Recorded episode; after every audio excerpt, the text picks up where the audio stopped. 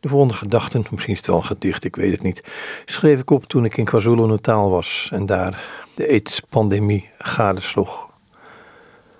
Met je zusje bleef je over, nadat eerst je vader en later je moeder aan aids gestorven waren. Om voor je zusje te zorgen wilde je wel je lichaam een paar keer per maand uitlenen tegen betaling. Zodat je zus te eten had. Zodat je zus naar school kon gaan. Zodat je zus een toekomst had. Zodat je zus kon slapen gaan. Eenzaam zat je in je huisje. Schamel een paar povere bezittingen. Hif gaf een positieve wending in je leven. Vermoeid sta je wat voor je uit. Je zus zal binnenkort gaan trouwen. Zij haalt het wel, dankzij jouw verhuurbedrijf. Voor een liefde hunkerend lichaam. Glimlachend sterf je in Gods armen. Wetend dat je alles deed om je zus een zekere toekomst te geven. Jij, haar enige life eet.